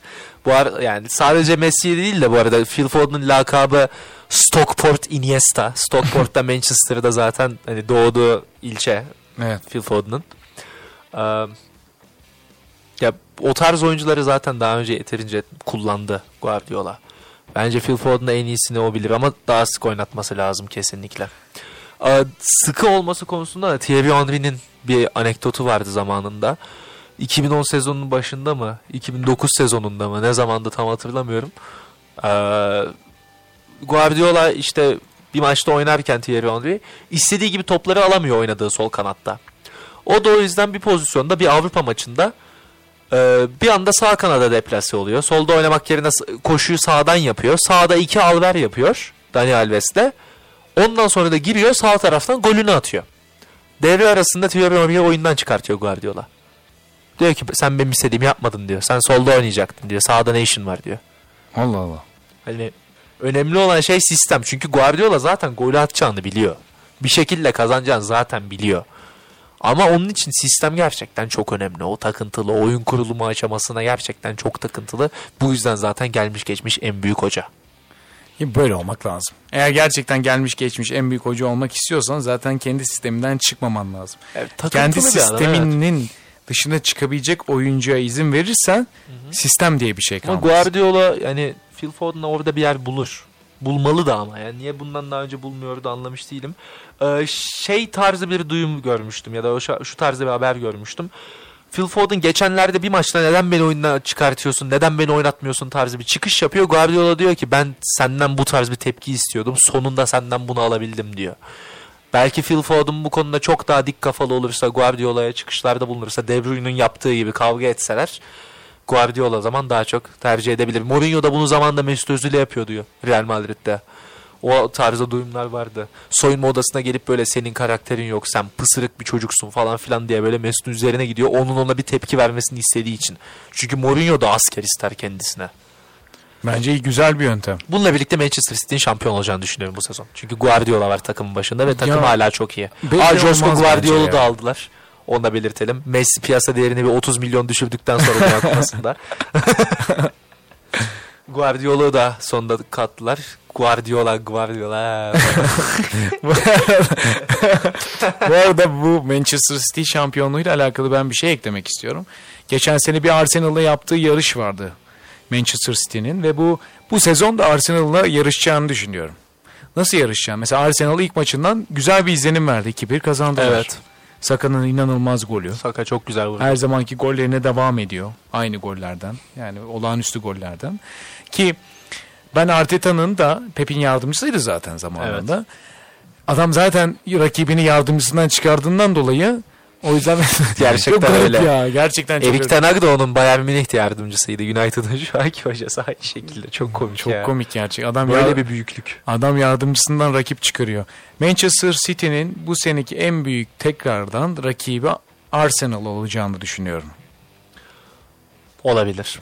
United'ın da ben iyi bir forvet transferiyle ilerleyebileceğini düşünüyordum ki iyi bir forvet transferi mesela bakınız Harry Kane olurdu. Çok iyi olurdu. Manchester United da bu arada maçını kazandı. İlk maçını 1-0 kazandı 1-0. Rafael Varane'ın golüyle ancak birazcık şaibeliydi diye hani öyle konuşuluyordu son derece. Hem İngiliz medyasında, medyasında hem dünya medyasında. Andre Onana'nın performansı ancak iyiydi. Zaten United kalecisi olmak her türlü zordur. De Gea'da gördük. Hani Psikolojik açıdan da çok zor. Psikolojik açıdan diyorum zaten. Hani Hı. kesinlikle savunmadan falan filan asla değil de. Hani zordur. An- Onana'ya da başarılar dileyelim. Ben çok beğendiğim bir kalecidir. Ee, Lamazya çıkışıdır zaten kendisi de. Barcelona altyapısından. O yüzden ayrı bir sevdam vardır kendisi için. Ajax'ta da çok güzel şeyler yapmıştı. Sonrasında bir iki sıkıntılı dönemi vardı tabii ki de. Ancak şu Her an United'ın bence bir numarası olarak hak ettiği yerlerden bir tanesinde. Bence- Başka bir değişik kaleci transferi bak bu değişik bir önceki değildi de Kepa Arrizabalaga Real Madrid'e kiralandı. Ki şöyle bir komiklik var. Real Madrid 2018 yazında Chelsea'den Thibaut Courtois'ı transfer etmişti. Chelsea'de Kepa Arrizabalaga Atletik Club'dan transfer etmişti. Atletik Bilbao'dan Kepa Arrizab- Arrizabalaga'yı transfer etmiştir. Courtois'ın yerine. Şimdi Courtois sakatlandı. Yapraz bağlarını kopardı. Şimdi yine Kepa Arrizabalaga bu sefer Real, Real Madrid'e Courtois'ı yine şey yerine doldurmak için gidiyor. Gerçekten çok değişik aslında. Ve çoğu insan da şey anlamış değil yani Kepa Niye Niye? Kepa? Ben de anlamadım açıkçası. Niye Niye Kepa Kepa'yı gerçekten? kiralarsın ki? bilmiyorum Real Madrid'in görmediği Neyi bir şey gördün ki olmalı. Kepa'dan? Hiçbir fikrim yok benim de. Yani O kadar kaleci Ersin'i alabilirler mesela. bir Muslera'yı alabilirler de mesela Muslera tecrübeli istiyorlarsa. Kepa da bu arada son sezonunda iyiydi. Ama buraya gelmesi çok zaman almıştı. Kepa da bu arada şöyle bir açıklamada bulundu Real Madrid basın açıklamasında. Hani daha şey tanıtımında yani kendisinin. Umarım iyi performansım olur da Real Madrid beni geri göndermez hani beni satın alır diyor. Oo. Burası çok tarihli bir kulüp falan diyor. En büyük kulüp falan filan diyor klasik. Ya tamam da sen kiralıksın sonuçta. Sen Chelsea'nin oyuncususun Ama- ya. Bence hoş sözler Evet. değil bunlar. Hani Kiralık bittiği zaman ben hep buraya gelmek istiyordum falan filan dersin de bence yeni gitmişsin. Daha maça çıkmamışsın. Bence pek hoş şeyler değil. Kiralık bir oyuncunun, ya kontratı farklı bir takımda olan bir oyuncunun böyle şeyler söylemesi bence birazcık profesyonellikten dışarıda ama konu yani söz konusu Real Madrid olunca ben pek bir şey diyemiyorum. Ben de Olabilir. öyle olsam kiralık Real Madrid'e gitsem Chelsea'den ben de şunu söylerim inşallah beni satın alırlar derim. Ama aileme yakın arkadaşlarıma söylerim. Ha, Basın evet, evet, toplantısında mi? söylemem. Arada ben. Güler gibi dedene falan söylersin. Dedeme anlatırım. Dedem biliyordum zaten der. Ee, bu arada Newcastle United da sezona güzel başladı. 5-1 mağlup 5-1. etti. Ee, Kim mağlup etmişti? Luton Town diye isim var ama şu an sallıyor da olabilirim nedense. Hemen bir kontrol edelim onu. Aston Villa'yı. Aston Villa'yı. Aston Villa'yı 5-1 mağlup etti. Aa, Luton Town nereden geldiyse benim. Bra- Çünkü Brighton 4-1 mağlup etti. Pardon ben skordan düşünüyordum. 5-1, 4-1 tarzı. Evet e, Aston Villa 5-1 mağlup etti. Newcastle da sezona çok iyi başladı. Sandro Tonali sezona golle başladı. İsak. Alexander Isak. 2 Alexander gol mü? Isak iki, go- iki gol attı. Değil mi? Evet. İyi topçu o da. Severim. Şu Ben çok beğeniyorum. Ya Newcastle United gerçekten parayı doğru harcamayı gösteriyor gibi çoğu kulübe. Bakınız Paris Saint Germain. Ki şöyle bir şey de olmuştu. Newcastle'ın başına gelen Araplarla birlikte artık hani şey düşünüyorlardı Newcastle'a. İşte çok büyük futbolcular gelecek. Hatta Messi, Ronaldo, Neymar konuşuluyordu ama Evet, evet. bu olmadı. Sürdürülebilir bir şey değil çünkü. Yani Bence de. Gerçekçi de değil. Marka değerinden çok tamam bu alınan adamlar da zaten marka değeri yüksek insanlar ama Messi Ronaldo'nun yanında hani çok fazla söz konusu olacak insanlar değil ama doğru transferlerle birlikte belki bu sezon Premier Lig'de çok yükseklere oynayabilecek takım olabilir. Ki bence olacak da. Geçen sezon çok daha iyi bir performans gösterdi Newcastle. Ki bu arada Aston Villa'da aslında kötü bir performans gösterdi. Çünkü Aston Villa'da hedefleri olan bir takım, iyi transferler yapmış bir takım ve başında Unai Emery var. Genelde Unai Emery ikinci sezonlarında en azından ligde birazcık patlıyor. Ancak ne yapalım yani bu da küçük bir bilgi olarak kalsın orada. Bununla birlikte hızlıca istersen diğer liglere geçelim hızlı hızlı. Olur. Ee, Harry Kane'den bahsetmiştik. Harry Kane hala kupa kazanamadı. Ne yazık ki. Çok Dani Olmo ya. yok etti Bayern Münih'i. Özellikle ikinci golünde dönüşü ve bitirişi. İnanılmaz da RB Leipzig Almanya Süper Kupası'nı kazandı. Bundesliga'da açıkçası çok konuşacağımız bir şey yok. Konuşacağımız bir şey varsa Çünkü daha lig hani başlamadı ya. Bundesliga'yı kim kazanır sizce? Daha doğrusu Bundesliga'yı sizce Çok zor bir tahmin. Bundesliga'yı daha doğrusu sizce kim kaybeder? Bo- Borussia Dortmund yenilgisi mi? Pardon, Borussia Dortmund e, loserlığı mı yoksa Tottenham'dan kaynaklanan Harry Kane loserlığı mı? Yani Ya ki Harry Kane ilk böyle eğle- eğle- eğleneceksek sadece bunu konuş. Harry Kane bu arada maçın çoğunluğunda sahada değildi. Bunu da hemen belirtelim Evet. ama Ama ilk maçında yani, kupa komik. kaybetti. Bu adam hiçbir kupa kazanamayacak. komik yani. Kazanacak be tabii. Harry Kane'in ama- ilk sezonunda Bayern Münih'in uzun zaman sonra şampiyonluğu kaybetmesi Abi çok, çok, komik, komik, olur mı? ya. Gerçekten çok komik olur. Gerçekten çok komik olur. Kara Hiçbir şey lanet diyemiyorum. yani. Gerçekten manyak komik O olur. zaman Harry Kane eşittir Fenerbahçe diyebilir miyiz? Oo, Kupa Fenerbahçe'nin kupası var. Ziraat Türkiye'yi Ziraat aldılar. Doğru. Ama Uzun bir dönem. yok bu arada e, Spurs 2008'den beri kupa kazanmadı ya. En son 2008'de Carling kupasını kazandı Spurs. Fenerbahçe'nin 2014'ten beri kupası yoktu. Hani çok daha kısa bir süre gerçekten. Bir Ya eklemek ufak bir lazım. benzerliği Bir- var. Yani bir 15 yıl falan yani inanılmaz gerçekten ya. Ne 15 yılı? Evet 15 yıl doğru hesaplamışım. Ee, La Liga'da Real Madrid iyi başladı. Jude Bellingham iyi bir performansını bir de golle taçlandırdı. Zidane bari bir gol attı. Zidane'ın da aynen öyle bir golü var. Real Madrid zaten hemen paylaşmış. Aynı forma numarasını zaten şu an giyiyorlar. Ee, tatlı valla. Real Madrid'in orta sahası da gerçekten helal olsun. Ee, adamlar parayı çok doğru harcadılar. Çok genç ve çok hızlı bir yapılanma yap- yaptılar. Ee, Real Madrid'in forvet opsiyonları da gitgide azalıyor. Hani forvet alacaklar mı almayacaklar mı zaten Bence yeterince birini büyük bir soru. bekliyorlar. Birini bekliyorlardı o bekledikleri kişiden bir sıkıntılar çıktı. Ee, Mbappe, Mbappe. Mbappe, Mbappe Saint Germain'de kalacak gibi gözüküyor. Ki Neymar da gitti. Ne Neymar'da olacak? evet bununla birlikte hatta direkt oraya geçelim. Öncelikle Mbappe arkadaşlar gerçek bir Fransız gibi grev yaptı. Adam gerçekten ben kulüpten gideceğim dedi. Ondan sonra bir tane gazeteci var. Bir tane hesap var Twitter'da. Genelde algı operasyonları için daha önce kullanılmış. Mbappe bir kere daha kullanmış. M- Mbappe ve Neymar hakkında haberler falan filan çıkarmaya başladı bu Twitter hesabı. Şu an kapanmış durumda bu hesap. Çünkü işlevini yerine getirdi. Mbappe de Parasını kulübe aldı. dönmüş durumda. Parasını sadece almadı. Mbappe gerçekten Neymar kulüpten gitmediği sürece ben burada yokum yaptı. Ve sonunda kendisi kazandı. Şimdi mutlu mesut bir şekilde Saint Germain'e geri döndü. Antrenmanları hemen devam ediyormuş. İlk maçta yoktu ilk maç kadrosunda ama şimdi hemen ola alınır da. Ancak Neymar gide gide Arabistan'a gitti abi. Ama Neymar, bence çok şaşırmamak Da. Silva. Dos Santos Junior 31 yaşında Arabistan'a gitti. Çok erken gitti. Kral olamayan prens. Ve bu arada şunu söylemek istiyorum sayın dinleyenler. Aral bugün stüdyoya Brezilya'nın 10 numaralı Neymar Junior formasıyla geldi.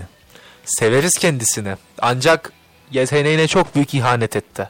Her zaman Barcelona'dan ayrıldığından beri böyle bir şey yaptı. Barcelona'dan ayrılmadan önce Neymar'a Messi geldi ayrılmasın diye dedi ki sana söz veriyorum sana Ballon d'Or kazandıracağım dedi. Ki zaten o zamandan beri Barcelona'yı çok yakından takip eden bir e, seyirci olarak bir fan olarak şunu söyleyebilirim. 2017'si hatta 2016 sezonunda Messi 2 aylığına yanılmıyorsam sakatlanmıştı. Neymar'ın şey golü falan var ya orada hatırlıyorsun. Suarez'in ortasına göğüs alıyor. Şu arka Aynen topukla- flik atıyor He. arkasına doğru böyle ayağının hemen üstüne dönüyor böyle. O sırada savunmacı yere yığılıyor. Tek Çok de iyi voleyle atıyor. O golle o gol mesela o dönemden. O dönem Neymar Barcelona'nın as solisti oldu 2 aylığına. Ve geri geldiğinden sonra Messi her zaman yani paylaşabildiği kadar çünkü insan değil kendisi de bir insanla paylaşabildiği kadar spot ışığını onunla paylaştı. 2017 yılında da aynı şekilde hani sürekli Neymar'la spot ışığını paylaşıyordu ve e, Messi'nin oyun gelişimini o zaman da yakından takip eden biri olarak şunu netlikle söyleyebilirim. Messi Barcelona'nın hücum anahtarını Neymar'a devretmeye hazırlanıyordu. Ancak La Remontada sonrası Barcelona'nın 6-1 Saint Germain'e geri döndüğü maç sonrası manşetleri gördükten sonra Neymar'ın duyguları kırıldı. Ben en büyük aktörüm ya bu geri dönüşüm falan filan oldu ve ondan sonra gitmeye karar verdi. Ve hani Barcelona efsanelerinden Gary Lineker'ın o zaman bir tweet'i vardı. Neymar'a bir mesajı vardı. Barcelona'dan sonraki tek yol aşağı doğrudur diye. Oo. Öyledir ama. Real Madrid'de Barcelona'dan sonra hala şu an hani kariyeri daha yükselişe geçen bir oyuncu hani yoktur ya. Şu an aklıma gelmiyor gerçekten. Barcelona'dan gittikten Evet sonra ya. falan kim böyle aa çok iyi oldu iyi ki gitti. Ben diyorsun. sana söyleyeyim mi Adriano? Ya bir, Adam kupa kazandı. bu arada gönderildikten sonra demiyorum hani gittikten sonra takımın hatası demeden diyorum. Ben gitmek istiyorum deyip gittikten sonra giden diyorum. Ha.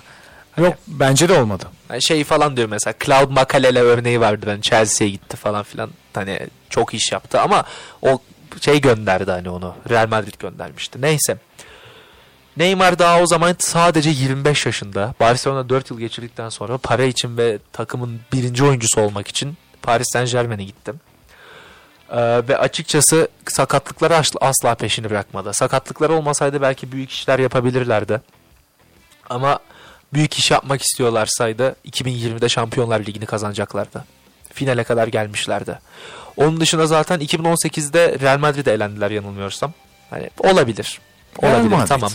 2019'da inanılmaz bir geri dönüş sonucu Manchester United'da kaybettiler. Neymar maçta yoktu ama Neymar'ın şu ikonik fotoğraf var ya böyle ağzı açık etrafa bakıyor Marcus Rashford'un son penaltı sonrası. böyle aa falan olmuş durumda.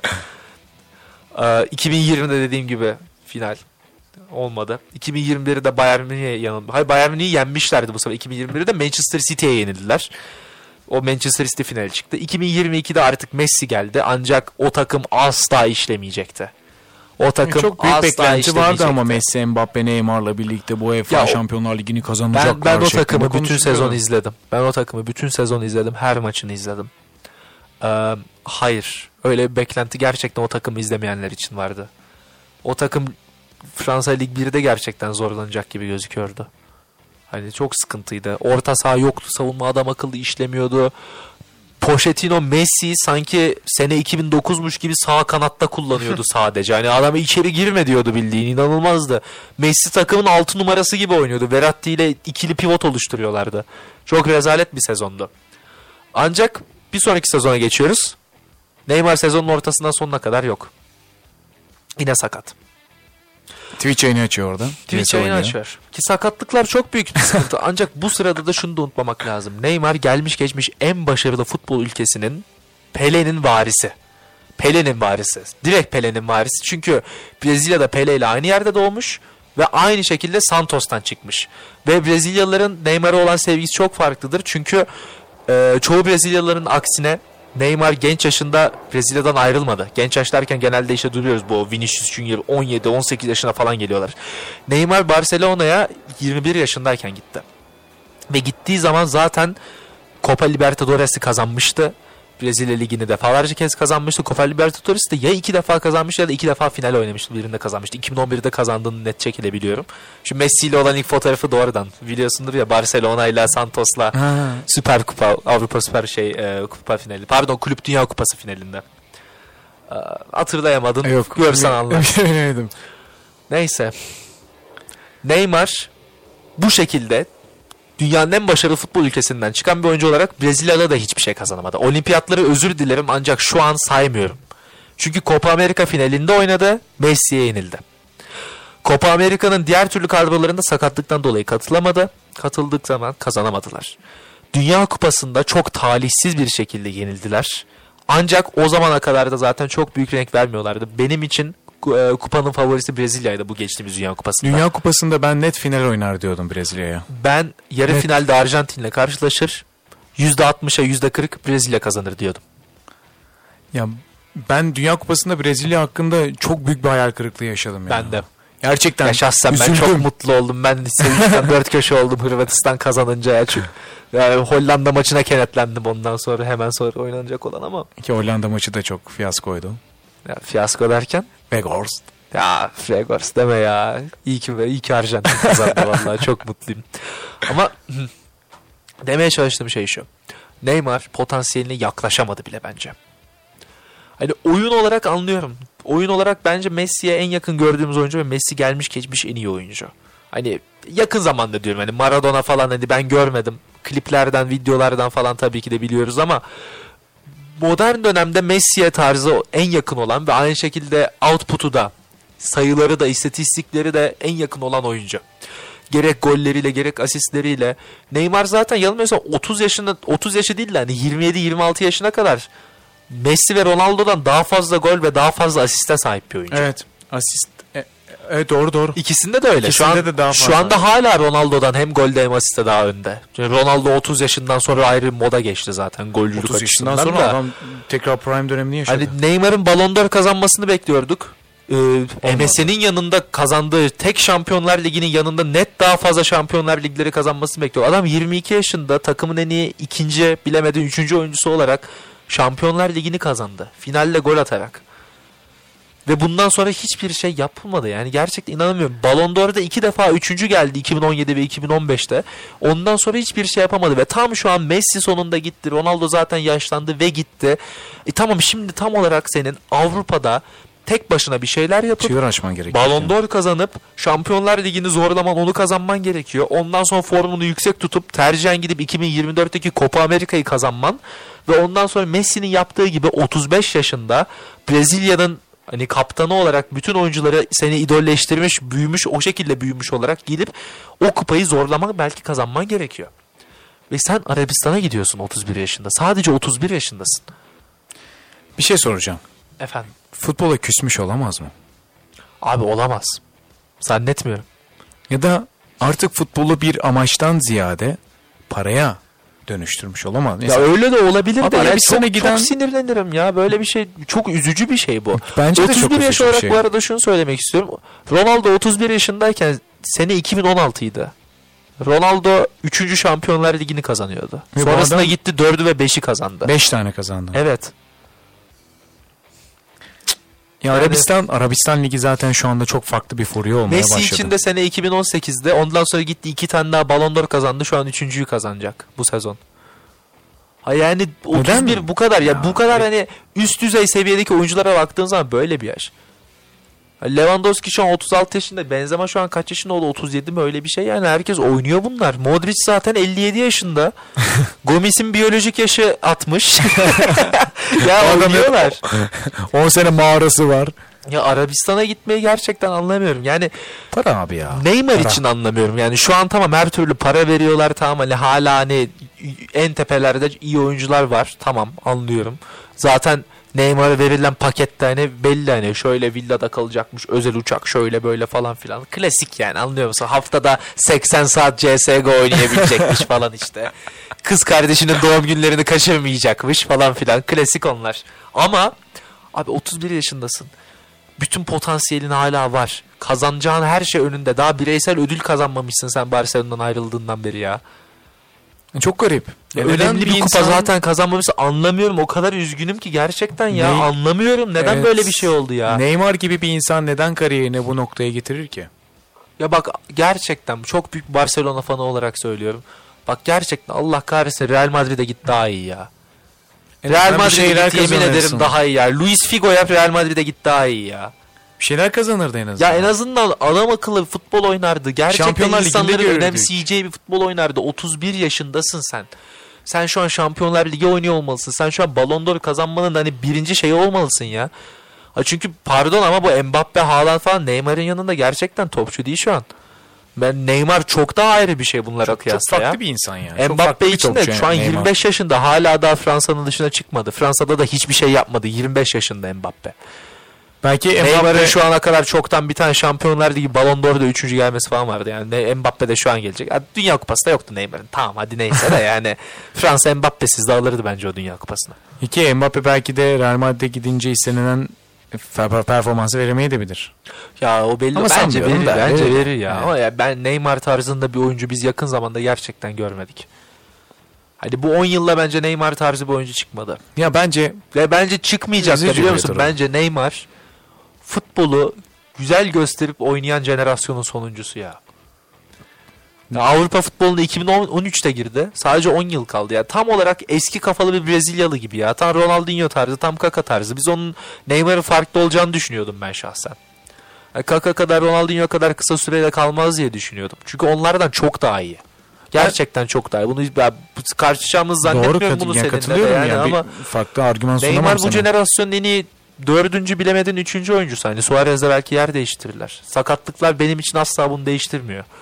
Ee, ama başarılar gerçekten çok eksik ve bu benim gerçekten kalbimi çok kırıyor. Onu en üst seviyede izleyememek şu ana kadar ya daha doğrusu bu andan sonra izleyememek de beni çok üzüyor. Çünkü Arabistan'a gittikten sonra büyük ihtimalle formda da büyük bir düşüş olacak. Ondan Bence sonra Brezilya kadrosuna seçilmesi bile sıkıntı olabilir. Ki kaptan abi seçilir belki bir şekilde de performansını göreceğiz. Abi, Umarım beni yanlış çıkarır ve bir şekilde Avrupa'ya döner ama döndüğü zaman çok geç ay- olabilir. çok geç olan. Yani ne kadar döne, ne kadar sonra dönebilir İki ki? yıllık bir anlaşma imzalamış. Ne? 33 yaşından sonra Avrupa'ya mı dönecek? Yani bilmiyorum.